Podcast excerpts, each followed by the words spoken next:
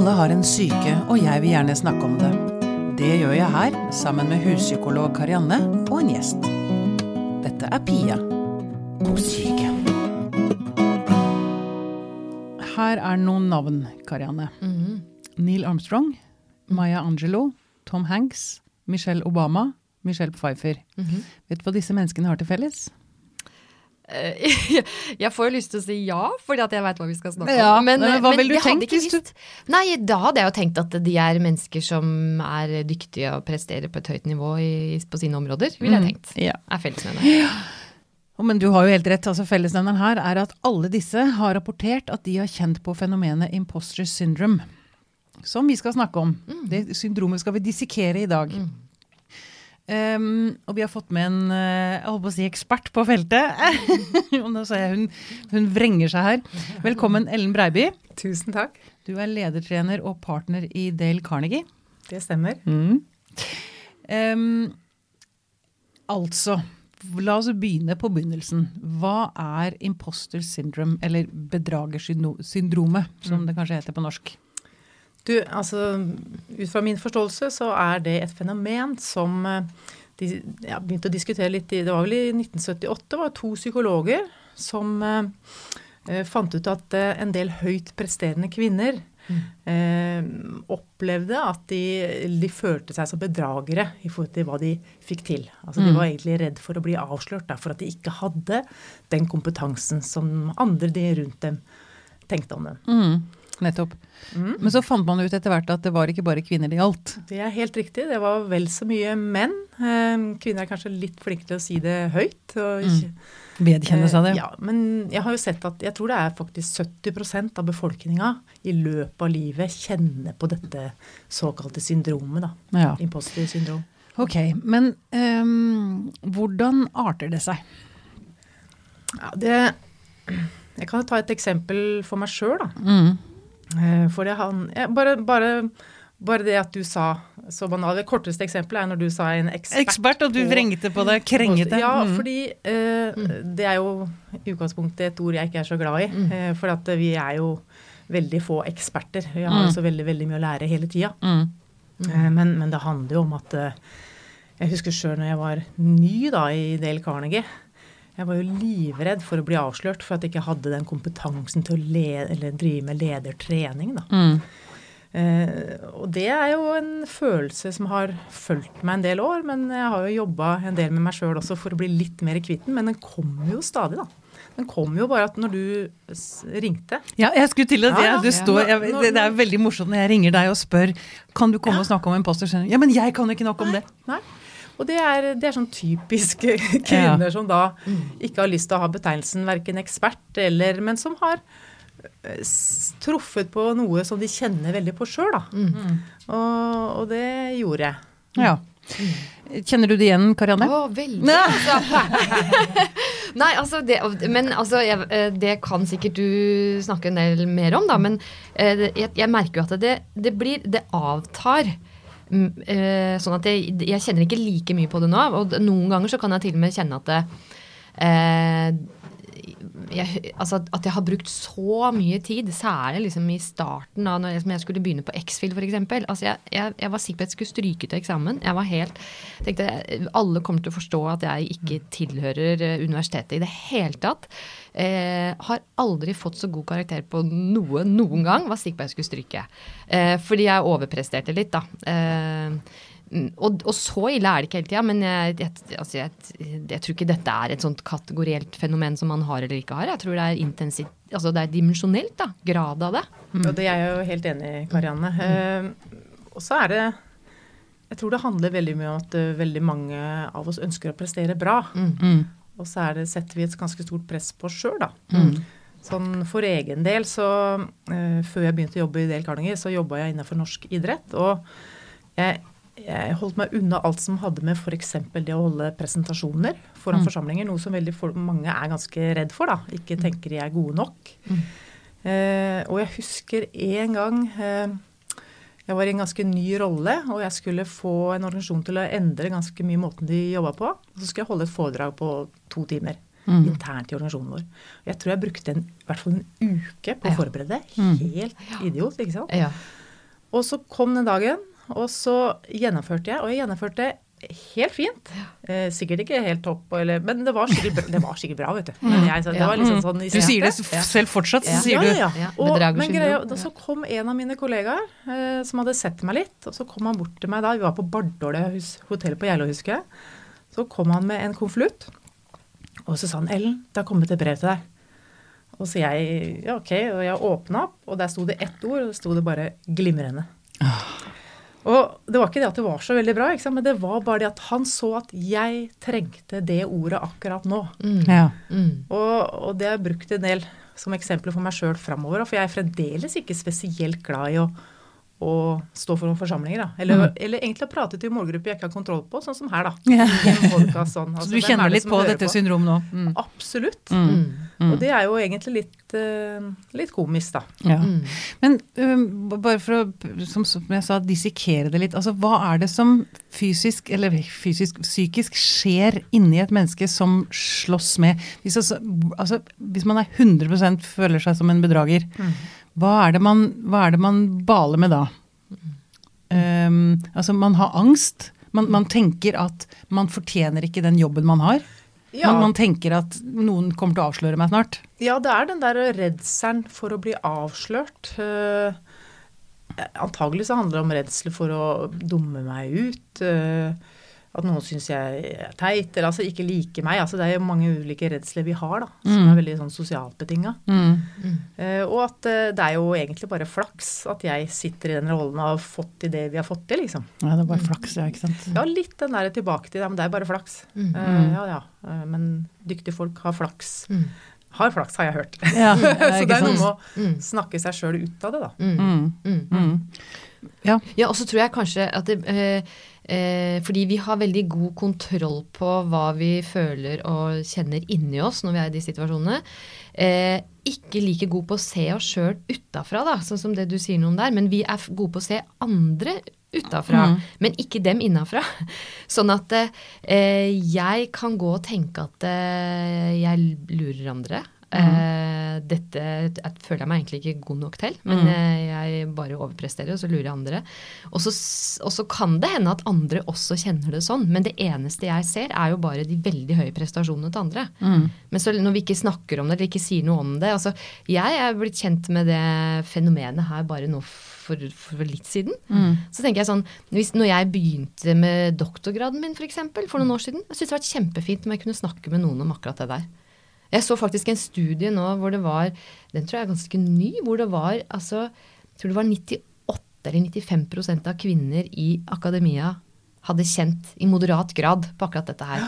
Som sier noe om hvor vanlig det er, da. Og det hjel- altså, men men så, så siden vi liksom nettopp kan være overpresterere, eller i et, et miljø med veldig høye prestasjoner og krav og sånn, så tror vi at Så ser vi jo bare de glitrende prestasjonene. Og så vet veit vi ikke at det innafor hos alle så foregår disse tinga her, da. Ja. Ja. Jeg tror kanskje det er noe av det viktigste. Det som du sier, Karianne, at eh, vi ser jo bare det ytre Mm. hos andre. Mm. Men inni alle andre så er det jo en kamp som de ikke forteller om. Mm. Eller så er det andre om, helt andre områder som de sliter med. Mm. Det, er jo, det er jo mye mer vanlig enn vi har kanskje har tenkt. Da. Ja. Men jeg lurer på om ikke det er litt mer uttalt hos kvinner. Jeg bare kom på nå at eh, for en stund siden, et år eller to, så var det eh, oppe i media også dette med at um, mediene har ofte problemer med å få kvinner til å stille debatter. Eller til å uttale seg som eksperter i, i skrevne saker, ikke sant. Og, og så sier de nei, det er noen andre som kan det der mye bedre enn meg. Dette har du også nevnt i en Ja, det har jeg vært opptatt av. Mm. Ikke sant? Det er andre som kan dette mye bedre.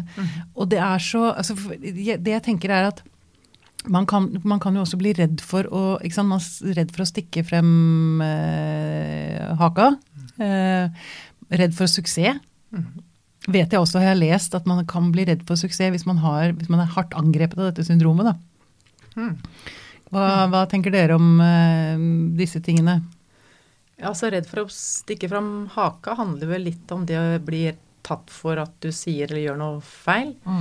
Jeg, dette blir veldig generaliserende, da, men altså jeg tror uh, en del kvinner syns det er utfordrende å, å uttale seg om ting de ikke har ekspertkompetanse på, da, mens menn kanskje tør litt mer, da. Er litt modigere der. Det er ikke så farlig. Mm. Det kan virke sånn. Jeg er også enig med at jeg, jeg opplever kanskje at det er flere kvinner som kjenner på det, men jeg tror kanskje at det er mer kvinner som tør å si noe om det, Mm. Ja. Mm. heller. Å si det høyt, da. Mm. ja, ikke sant. At dette her er skummelt, eller dette vil jeg ikke, dette. Mens gutta, nei, vi skal være litt uh, Mm.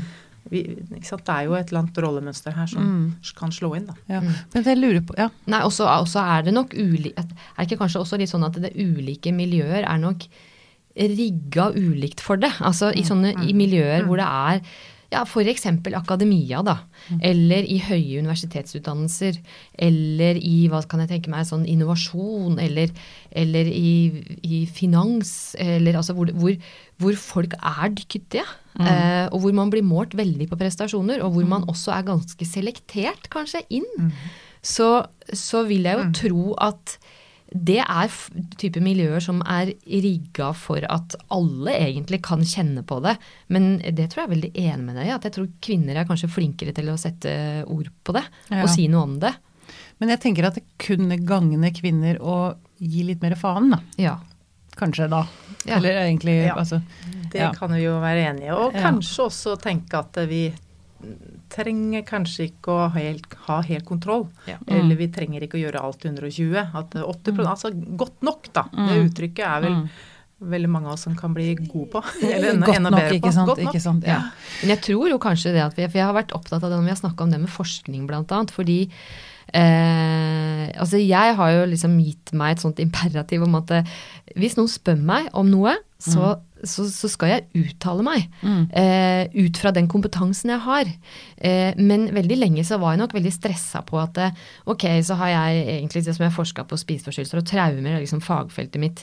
Eh, men hvor mange doktorgrader skal man trenge på ulike områder før man skal være i posisjon til å si noe? da? Så jeg er jo psykolog, liksom, for søren. Jeg har jo liksom gått Truffet mye folk, snakket har med mye folk. folk, da, prata med dem har prøvd å skjønne hva dette dreier seg om. Så, så hvis noen da spør meg f.eks. om et tema som dreier seg om eh, perfeksjonisme hos barn og unge, som jeg også har vært opptatt av eh, i fagfeltet mitt, men jeg har ikke forska direkte på det, men så kan jeg, tror jeg, og det kan kanskje være noe kvinnelig over, at jeg kjapt kan da ha tenkt jeg kan ikke si noe om det, jeg veit at det sitter ei gruppe i Bergen eller i Trondheim eller noe sånt, forsker masse på det, de kan jeg henvise dem til. Mm.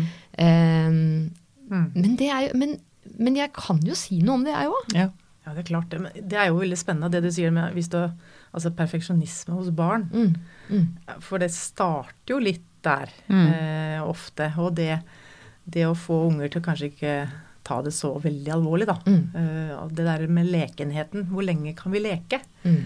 Og jobbe med det der og eh, godt nok er godt nok. Og liksom gå ut og leke istedenfor å sitte en time til med lekser. Ikke Mm. sant? Jeg er litt for, da. Ikke sant? Hvor, hvor, hvor aktiviteten i seg sjøl er det som er gøy, og ikke det at man blir drevet av frykten for å gjøre feil. da. Mm. Riktig. Man ikke skal prestere noe. Mm. Mm. Ikke ta det så seriøst, egentlig. Ja, og kanskje det med å Hvordan er du mot folk er viktigere enn hvilken karakter du får, da. Mm. Mm. Mm. Ja.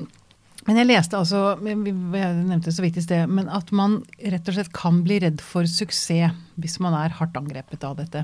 Kan vi, jeg, skjønner at ingen av dere nødvendigvis kan sitte med en fasit der, men jeg har bare lyst til å snakke litt rundt det. Mm. Altså, fordi jeg tenker at man kan jo torpedere seg selv, ødelegge sånn for seg selv, fordi man er så redd for da en eventuell avsløring, at man stopper sin egen utvikling, stopper sin egen eh, ja, jakt på suksess, da. Fordi man er redd for å bli avslørt. Er det er det, det tror dere, som ligger bak der, eller? Det, jeg lurer på, det jeg lurer på om det er en sånn øhm, øh, ikke sant? Hvis jeg går rundt og er redd for å ha mye selvusikkerhet, da, og er redd for å mislykkes og feile og drite meg ut, Eh, og så er jeg i miljøer hvor det er mye høy grad av prestasjon og sånn, og så er jeg blitt selektert inn der, og så bruker jeg da Sånn som, for jeg kan kjenne meg veldig igjen i det du sier. liksom Bruker en hel uke på ting, ikke sant. Eh, så kan jeg bruke kanskje masse tid på å få det til. Mm. Uh, for å kanskje kompensere for at jeg er så redd for at dette skal gå helt ad undas. Og så, og så er ikke nødvendigvis all den rosen jeg får etterpå så bra, fordi ehm, den fòrer egentlig bare det, det at jeg nærmest lager en sånn illusorisk sammenheng mellom det at jeg må overprestere. Mm. Og, og den der forbindelsen mellom at jeg føler at jeg ikke kommer til å få det til, og at jeg må prestere kjempemasse, den blir vedvarende ved at jeg bare hele tida blir sett på at jeg, at jeg presterer så veldig godt. Da. Ja.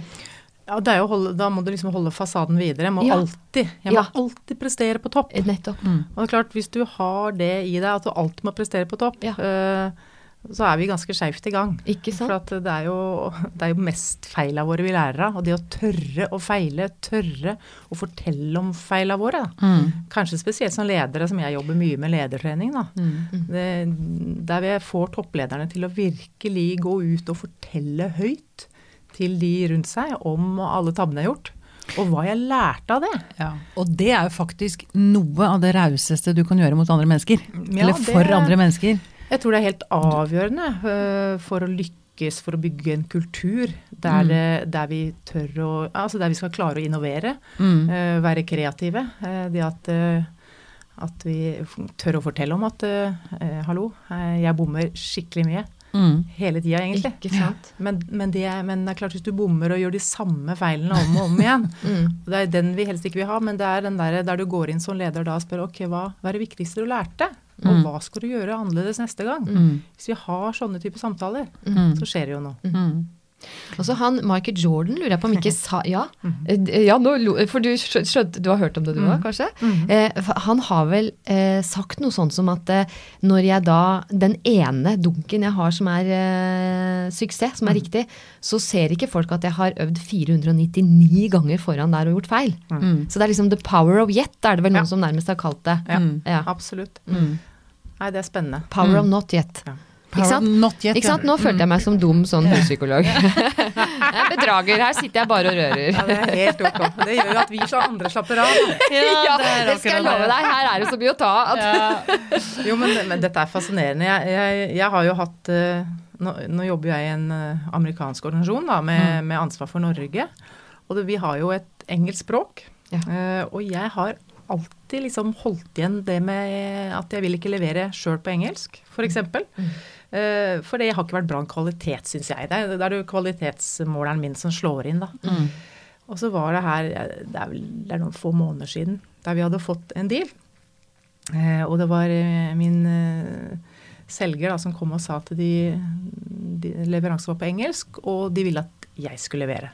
Så jeg nei, det, det blir ikke bra nok kvalitet, sier jeg. Mm.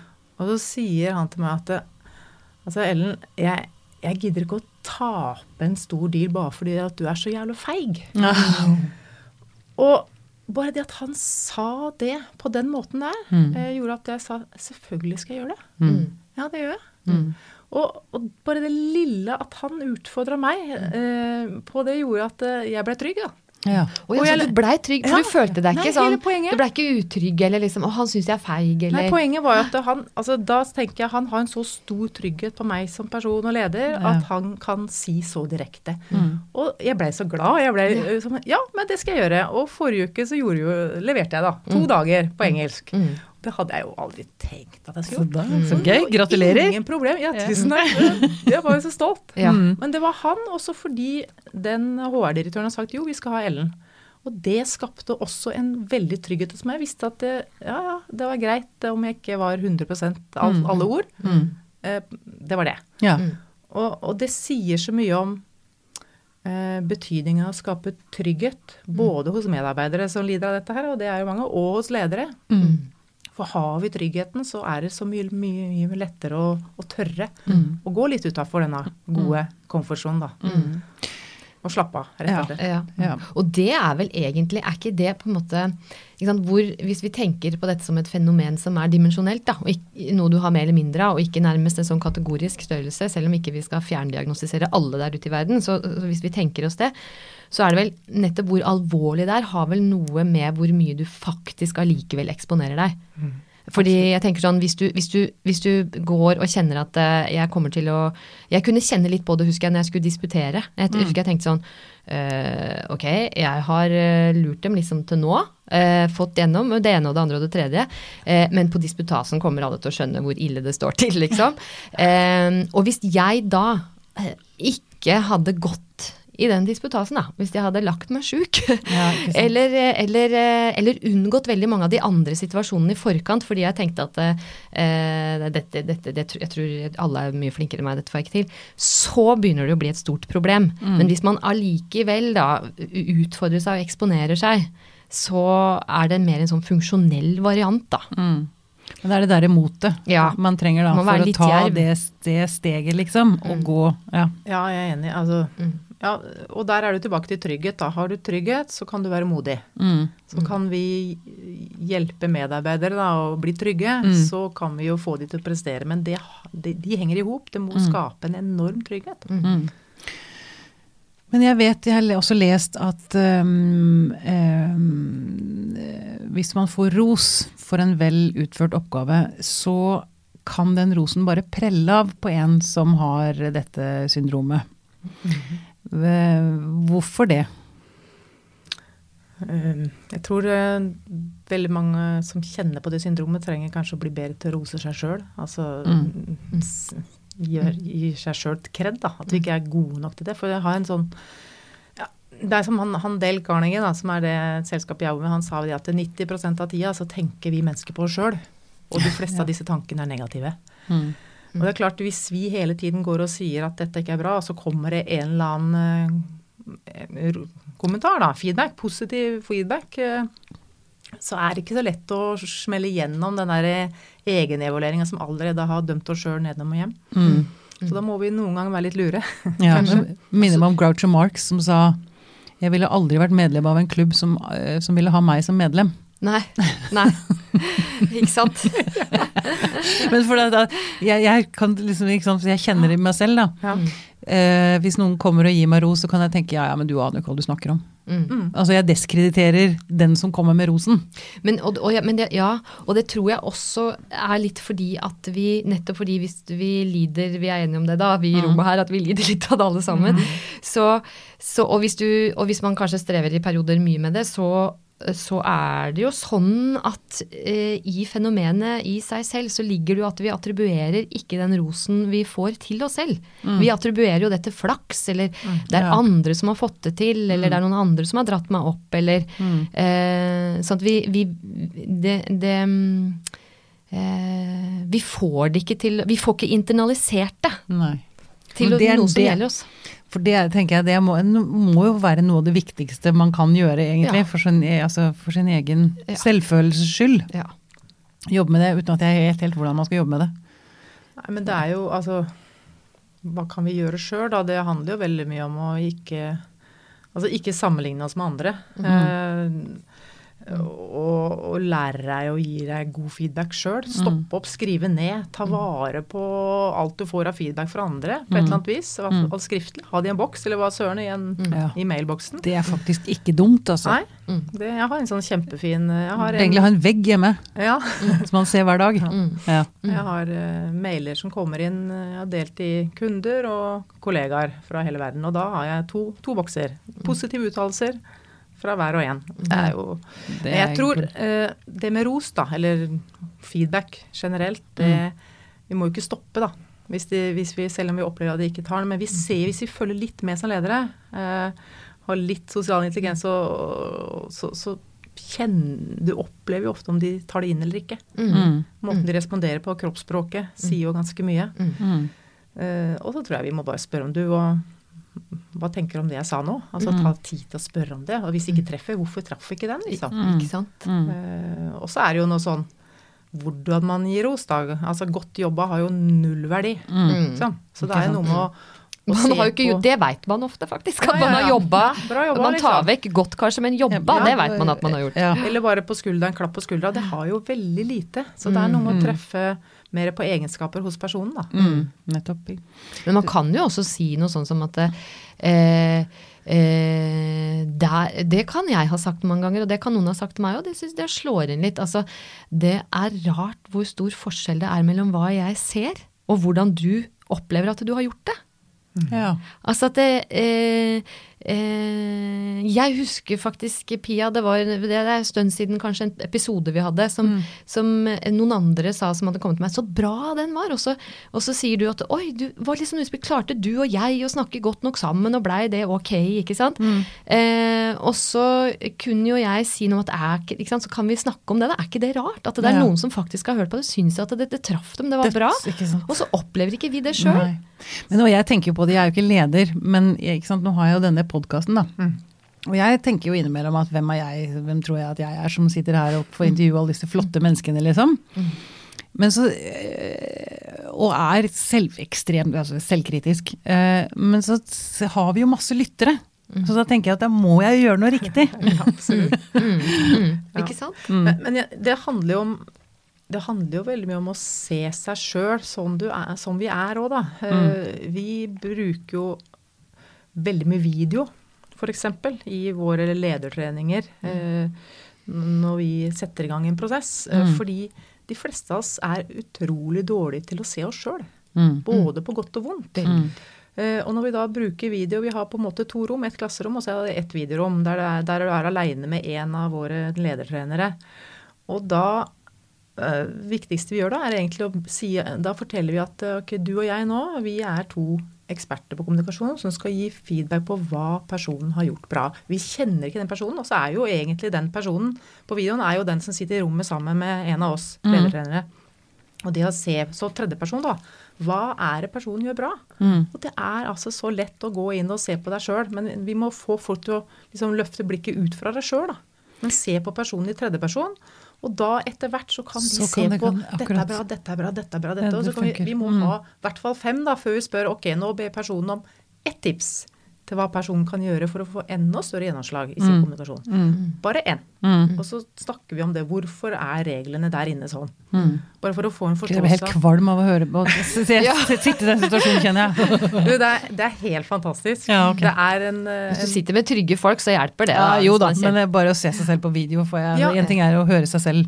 Jo, men det er en, liksom. det kanskje mest effektive å virkelig se her har jeg mine styrker, og så Ja. dette skal vi booste og hjelpe deg med. Mm. Og så er det kanskje små, små hindringer som vi skal bare få bort. Mm. Det er utrolig hva som kan skje på to korte dager, altså. Mm. Ja, fordi det er et eller annet med at eh, jo, jeg tror jo mer vi er ramma akkurat det vi snakker om nå, da, jo mer eh, går vi innover i oss sjøl og blir selvbevisst, og jo mindre klarer vi å ha oppmerksomhet mot ting som kan korrigere den opplevelsen vi har når vi har gått inn i oss sjøl. Mm.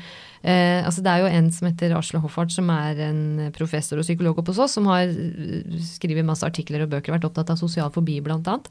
Og han skrev en sånn selvhjelpsbok om sosial fobi, eh, som han lurte fælt på hva skulle han kalle den. For liksom sånn manual i selvhjelp eller hva som helst. Men den har da blitt hetende Se deg rundt. Oh, akkurat. Det syns jeg er en veldig fin Wow. Tittel, fordi det sier noe om at ehm, eh, man har behov for å eh, Hvis man tror at man rødmer, f.eks., når man Mm. snakker med andre, Mm. så, så klarer man ikke å tenke på annet enn at nå sitter jeg og rødmer. Mm. Eh, og man begynner å se ned, og man blir flau, og skam er jo gjerne både litt taus og blikket ned. Og da klarer man jo ikke å, å løfte blikket og se rundt og se at andre faktisk ser noe helt annet, da. Ja, ikke sant. Det er et veldig, veldig godt bilde. Mm. Eh, ja, for jeg, jeg tror også når vi blir nervøse, da, Mm. eh, hvem er det vi tenker på da? Mm. Det er jo oss selv. Mm. Så det der å jobbe med å ikke bli nervøs og forstå det at det, det eneste vi, fokuset vi skal ha, er jo virkelig connecte med de rundt oss. Mm. Og da, det er det jo å lytte som er hele greia. Mm. Bare lytte og, og slippe fokus på oss sjøl. Og det er jo en jobb hele livet, Mm. egentlig. Det, det er jo akkurat dette med å sammenligne seg. Jeg eh, har nevnt dette i en annen episode, men eh, jeg syns det er så godt at jeg nevner det igjen nå. Man har gjort undersøkelser på eh, sølvmedaljevinnere og bronsemedaljevinnere. Og sølvmedaljevinneren er gjennomgående svært mye mer misfornøyd enn en bronsemedaljevinner. Mm. Fordi for sølvmedaljen så glapp gullet. Mm. Bronsemedaljevinneren er bare glad for å komme på pallen. Er Og jeg, det, er så, det er et så kult bilde, syns jeg, på hvordan vi vurderer oss selv. Da. Mm. Altså, er, det er noe med sammenhengene her også. Eh, ja. Mm. Altså stakkars Buzz Aldrin. ja, det kan du si. Det kan du si. Ja, Men det var Neil. Armstrong som sa at han uh, led av imposter syndrome. Det var et av de navnene jeg nevnte innledningsvis. Ja. Er ikke det rart? Jo, Wow. det er interessant. Ja. Men Buss kan kanskje ha lidd litt av det der, ja. Ja, han fikk jo store problemer. ja. Eh, Det er faktisk en veldig fin bok som heter eh, 'Hvor ble du av i alt mylderet'? Buss Ja, Aldrin. Det syns jeg er en veldig. Mm. fin tittel. Som sier noe om at no- Det er hvem er som husker nummer to, liksom. Mm, Han strevde vel med det. Ja. Men det er jo et navn vi husker, da. Ja, nå Det er verre med tredjemann, Ja. som het Collins et eller annet. Som satt, bare satt ja, inne i han veit jeg jo romskipet. ikke om engang. Nei, ikke sant? Nettopp. Der ser du. Ingen idé. Herlig. Så Buss kan i hvert fall komme på kartet. Ja, det var han. Ehm, men um, så er det vel sånn at de, Det er vel ofte sånn også at de som uh, har grunn til å føle dette, som faktisk er litt inkompetente, de føler ikke De har ikke noen sånne syndromproblemer. Nei, det, Det er de som er kunnskapsrike og dyktige, som faktisk har det. ja, det stemmer det. Hva er det, hva er det som skjer der? Ja, det, det, altså vi, vi har jo også en tendens, mange, til å vurdere oss som veldig, veldig eh, dyktige. Få- altså alle syns jo de er bedre enn en gjennomsnittlig bilkjører, f.eks. Ja, Ikke sant? Jeg er det. Ja, jeg òg. er du òg det, Karianne? Eh, ja, og det er faktisk til og med sånn at i fagfeltet mitt så er det sånn at terapeuter eh, vurderer seg Altså vi vurderer oss til på en skala fra 0 til 100, hvor 0 er dårlige terapeuter og 100 er best. Så vurderer vi oss sjøl på sånn rundt 70-80. Ja. Ganske bra. Mens vi vurderer de andre terapeutene som under 50. Ja, Nei, gjør dere det? Ja, Oi. Og det er interessant. Og det går jo ikke opp, ikke sant? Nei, det gjør ikke Så, så, så her er det liksom dømmekraften som slår litt feil vei. Men, men dette handler jo også om en del av de eller, som kanskje ikke har så høy kompetanse. De har en tendens til å vurdere seg veldig mye høyere på kompetanse. Hvorfor det? Ja. Hva er det som skjer der? Hva er det? Du heter det nå? Noe sånn Dunninger... Ja, Ja. Dunning-Krüger. Ja. Dunning-Kruger-effekten, ja. Det var visst det. Mm. Eh, Syns jeg har hørt noe om det. Ja. Mm. Nei, det, det er jo ganske spennende. Og, de, og der er vi også tilbake til Der er også video helt fantastisk. Mm. Eh, for det er jo lett å si at jeg ja, men jeg er veldig god til å bygge tillit, jeg. Mm. Jeg er veldig god til å connecte med andre. Mm. Jeg er veldig tydelig når jeg formidler. Mm. Og så, ok, men la, da bruker vi video da et par dager. Så, og så, du blir jo dissekert på, på, en må, på en positiv måte. da. Altså, Du ser jo kanskje ting som du ikke trodde. Mm. Så det er noe med å få det realistiske bildet av deg sjøl. Mm. Både på godt og vondt. da. Mm. Mm. Det komiske her er jo at dette beviser jo faktisk at hvis du har imposter syndrome, så veit du at du er god. Ja.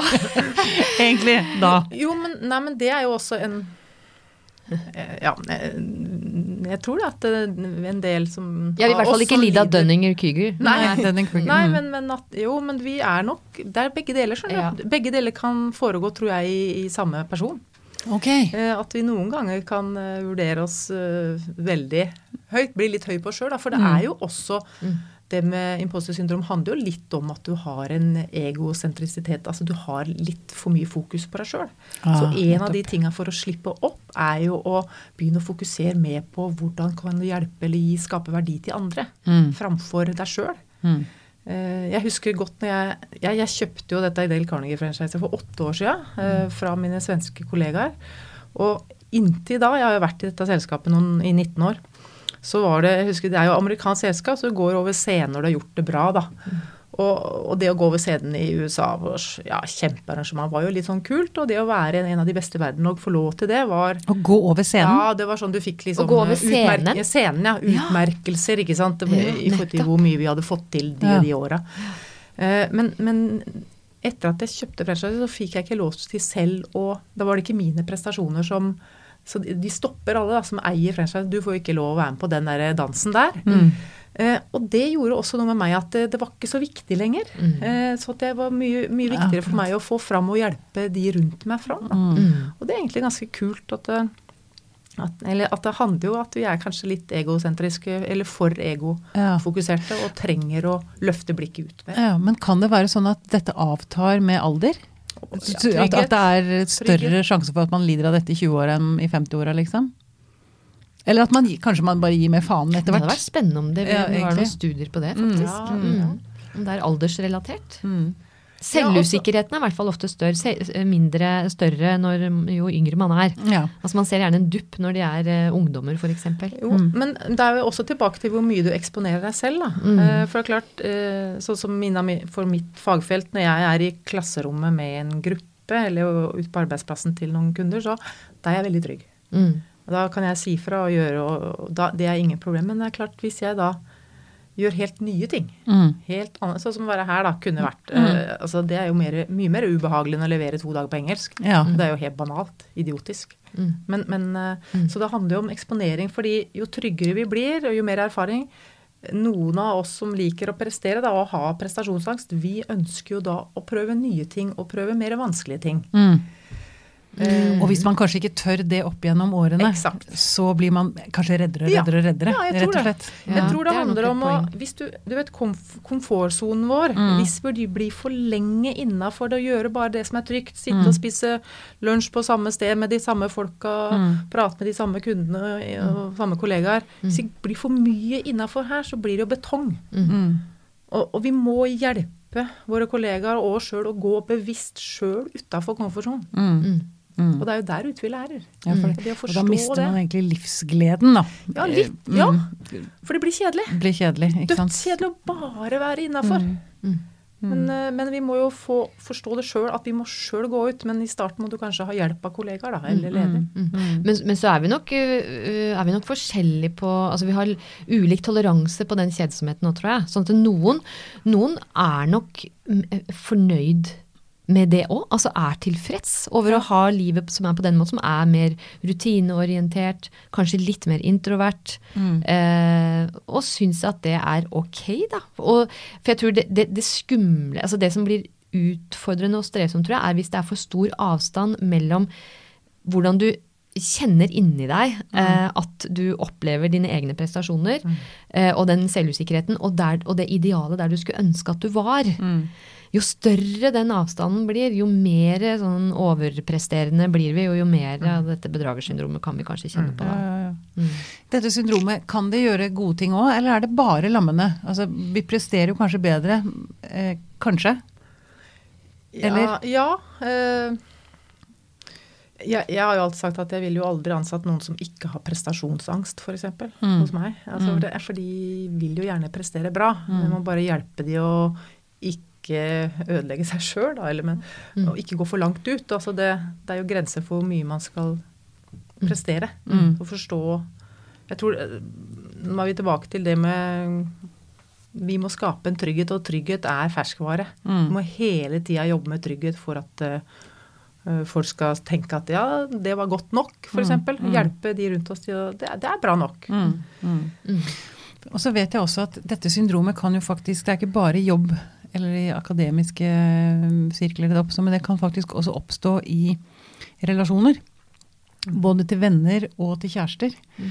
At man går og venter på at nå vil han eller hun snart se at jeg ikke er så bra som han eller hun forelsket seg i. Mm. Og da, da tenker jeg at da blir livet Da må det være knalltøft. Ja, det høres veldig slitsomt ut. Ja, jeg skjønner at nå, Dette er kanskje langt forbi ditt kompetansenivå, men det, uansett så Mm. man må ikke være redd for å løfte frem ting selv om folk ikke har et fiksferdig svar på det. det det er viktig Mm. å bare lufte Mm, det, liksom. absolutt. Altså, se på det. Mm. Og, og så tenker jeg at det er øh, Jeg legger merke til dette tror jeg er liksom viktig det du sa om at eh, vi må ikke gjøre oss sjøl så viktige. Nei, ikke sant. Altså jeg tror det er eh, altså når, når det står på som verst for meg, så kan jeg liksom tenke sånn det er, det er noen som, Jeg aner ikke hvem som har sagt det, men jeg syns det er veldig fint. Altså det er sånn i historiens garn er vi alle småfisk. Er det noen som har sagt? altså det er litt sånn eh, Eller om hundrede år er allting glemt. Jeg vet ikke, Var det. Bjørnstjerne eller Hamsun? Aner ikke. Det er sikkert noen der ute som veit det.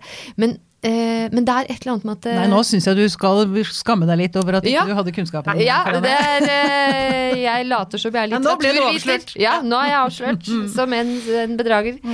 Men, nei, men altså, det er et eller annet med at um, eh, det er bare en jobb. Altså, Ja. Det er også en måte å tenke altså, det, hvem, Sett, sett oss sjøl i perspektiv. Ja! Mm. Både historisk, kontekstuelt og relasjonelt. Og, Ja. Uten at vi selvfølgelig skal trøkke oss ned. Men altså, vi skal ikke gjøre oss sjøl så viktige. Nei. Nei, men det, det er jeg veldig enig i. Mm. Og så tror jeg det noe ganger handler om å bare si til oss sjøl hva er det verste som kan skje, liksom. Ja. Altså, det, det, dette her handler jo litt om stresshåndtering òg. Mm. Det der hvor gode er vi sjøl til å håndtere vår indre uro, da. Mm. Mm. Og det å sette ting i perspektiv Mm. er jo én teknikk. Og det med ja, hva er det verste som kan skje, eller bare prøve å leve i dagtette timer eller rom eller hva det måtte være. liksom. Mm. Dette husker jeg jobba med. Jeg har var- utviklet ganske sterk panikkangst etter at pappa døde. Og da jobbet jeg med en psykolog, og da begynte vi å se på Eller det som skjer der, er jo at man til slutt ender opp med å bli mer redd for panikkangsten enn panikkangsten selv. Altså man blir mer redd for å få den. Mm. Altså den skrekken øker og øker og øker. Men da vi begynte å se på det, vi fikk se på disse slimete trollene som stakk opp hodene sine Det er jo det med at troll sprekker i sola. Og se også, og, og hva er det verste som kan skje? Det har jeg også brukt. Den der, Ok, å gå på scenen. Ok, hva er, det, hva er det aller verste som kan skje, liksom? Og så kommer jeg frem til dette er litt sånn ubehagelig, men det verste, ok, det er at jeg besvimer og bæsjer på meg. Mm. Ja. Ja, ja. Og så tenker jeg ok, det overlever jeg jo, det òg. Egentlig. Ja, ja, jeg sier det ofte til dattera mi. Altså, hva, ja, hva er det verste som kan Kommer du til å dø, sier jeg. Ja. Liksom, Kommer du til å dø? Mm. Nei. Ok. Nei, nei. Mm. Ikke sant? Sett i perspektiv. Sett i perspektiv. Ja. Du jobber jo også med lederutvikling og kommunikasjon, Ellen. Sånn mot slutten, og nå har du kommet med en del tips underveis. Men kan ikke du gi oss et krasjkurs i hvordan vi får bedre selvfølelse og selvtillit? Og På arbeidsplassen, tenker du på? Nei, i livet som mennesker. Er jo, Nå er du vi har jo prata mye om dette, ja, Mm, ikke sant. Men mm. det, er jo vi, La oss ta Karianne sa vi må ikke altså, ikke ta oss sjøl så veldig høytidelig, da. Mm. Eh, vi har jo noen altså, tendens til å være perfeksjonister. Mm. Slappe litt mer av. Mm. Eh, le litt mer. Altså ha det Ja. gøy, da. Ja. Altså, hvorfor går vi på jobb, egentlig, liksom? Mm.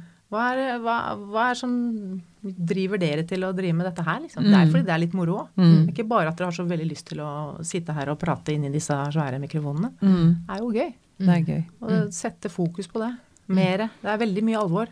Det er veldig mye er sant, prestasjon, prestasjon, prestasjon. Men, men du får ingen prestasjon hvis ikke vi kan skape trygghet hos oss sjøl og de rundt oss. Mm. Og det er Den største lederoppgaven vi har, er å virkelig, virkelig skape et trygt miljø. Mm. Et Også for oss selv, altså lede seg selv. Ja, inn i, absolutt. Mm, mm. Og det er, er som du sier, det er så kjempeviktig. Altså, ikke ta det er ikke så, ikke så farlig. Det er ingen som kommer til å angre på at jeg lo for mye i Nei. livet mitt. Nei, det er Uh... Og det er mye alvor. Det er mye, og så gjør man det så mye mer alvorlig enn det faktisk er, kanskje. Ja, det er jo en, noe vi blåser opp i huet vårt, da. Mm. Ganske fort. Små ting kan bli veldig store. Hvis, og det er jo å dele det og si fra. Du, vet hva, nå er det litt kjipt. Mm. Eh, men også selvfølgelig, nå er det dødskult. Mm. Eh, ha en kultur der vi prater om sånne banale ting. Mm. Som ikke bare har med ren jobb å gjøre. Mm. Og så tenker jeg det der med å dele. Det er veldig kult også fordi det gir så mye større rom for de rundt deg. Ja. Mm. Og dele, spesielt som leder, del feilene dine. Del tabbene dine når du skikkelig dreit deg ut. Ja. Skap et miljø der det er lov å feile. Ja. Eh, Da får du både kreativitet og innovasjon. Absolutt. For vi har så veldig stor tendens til å eh, tror jeg, feiltolke ytre prestasjoner som en indre tilfredshet. Altså det er som om det at vi ser alt det ytre som man får til, og så tenker man at vedkommende har det kjempefint og bra og sånn med det. Men det trenger ikke nødvendigvis å være sånn. Nei. Og det kan vi være åpne på. Ikke sant. Ja. Veldig bra. Fantastisk. Ellen Breiby, tusen takk for at du kom til oss. Du, så hyggelig å være her. Ja, så bra.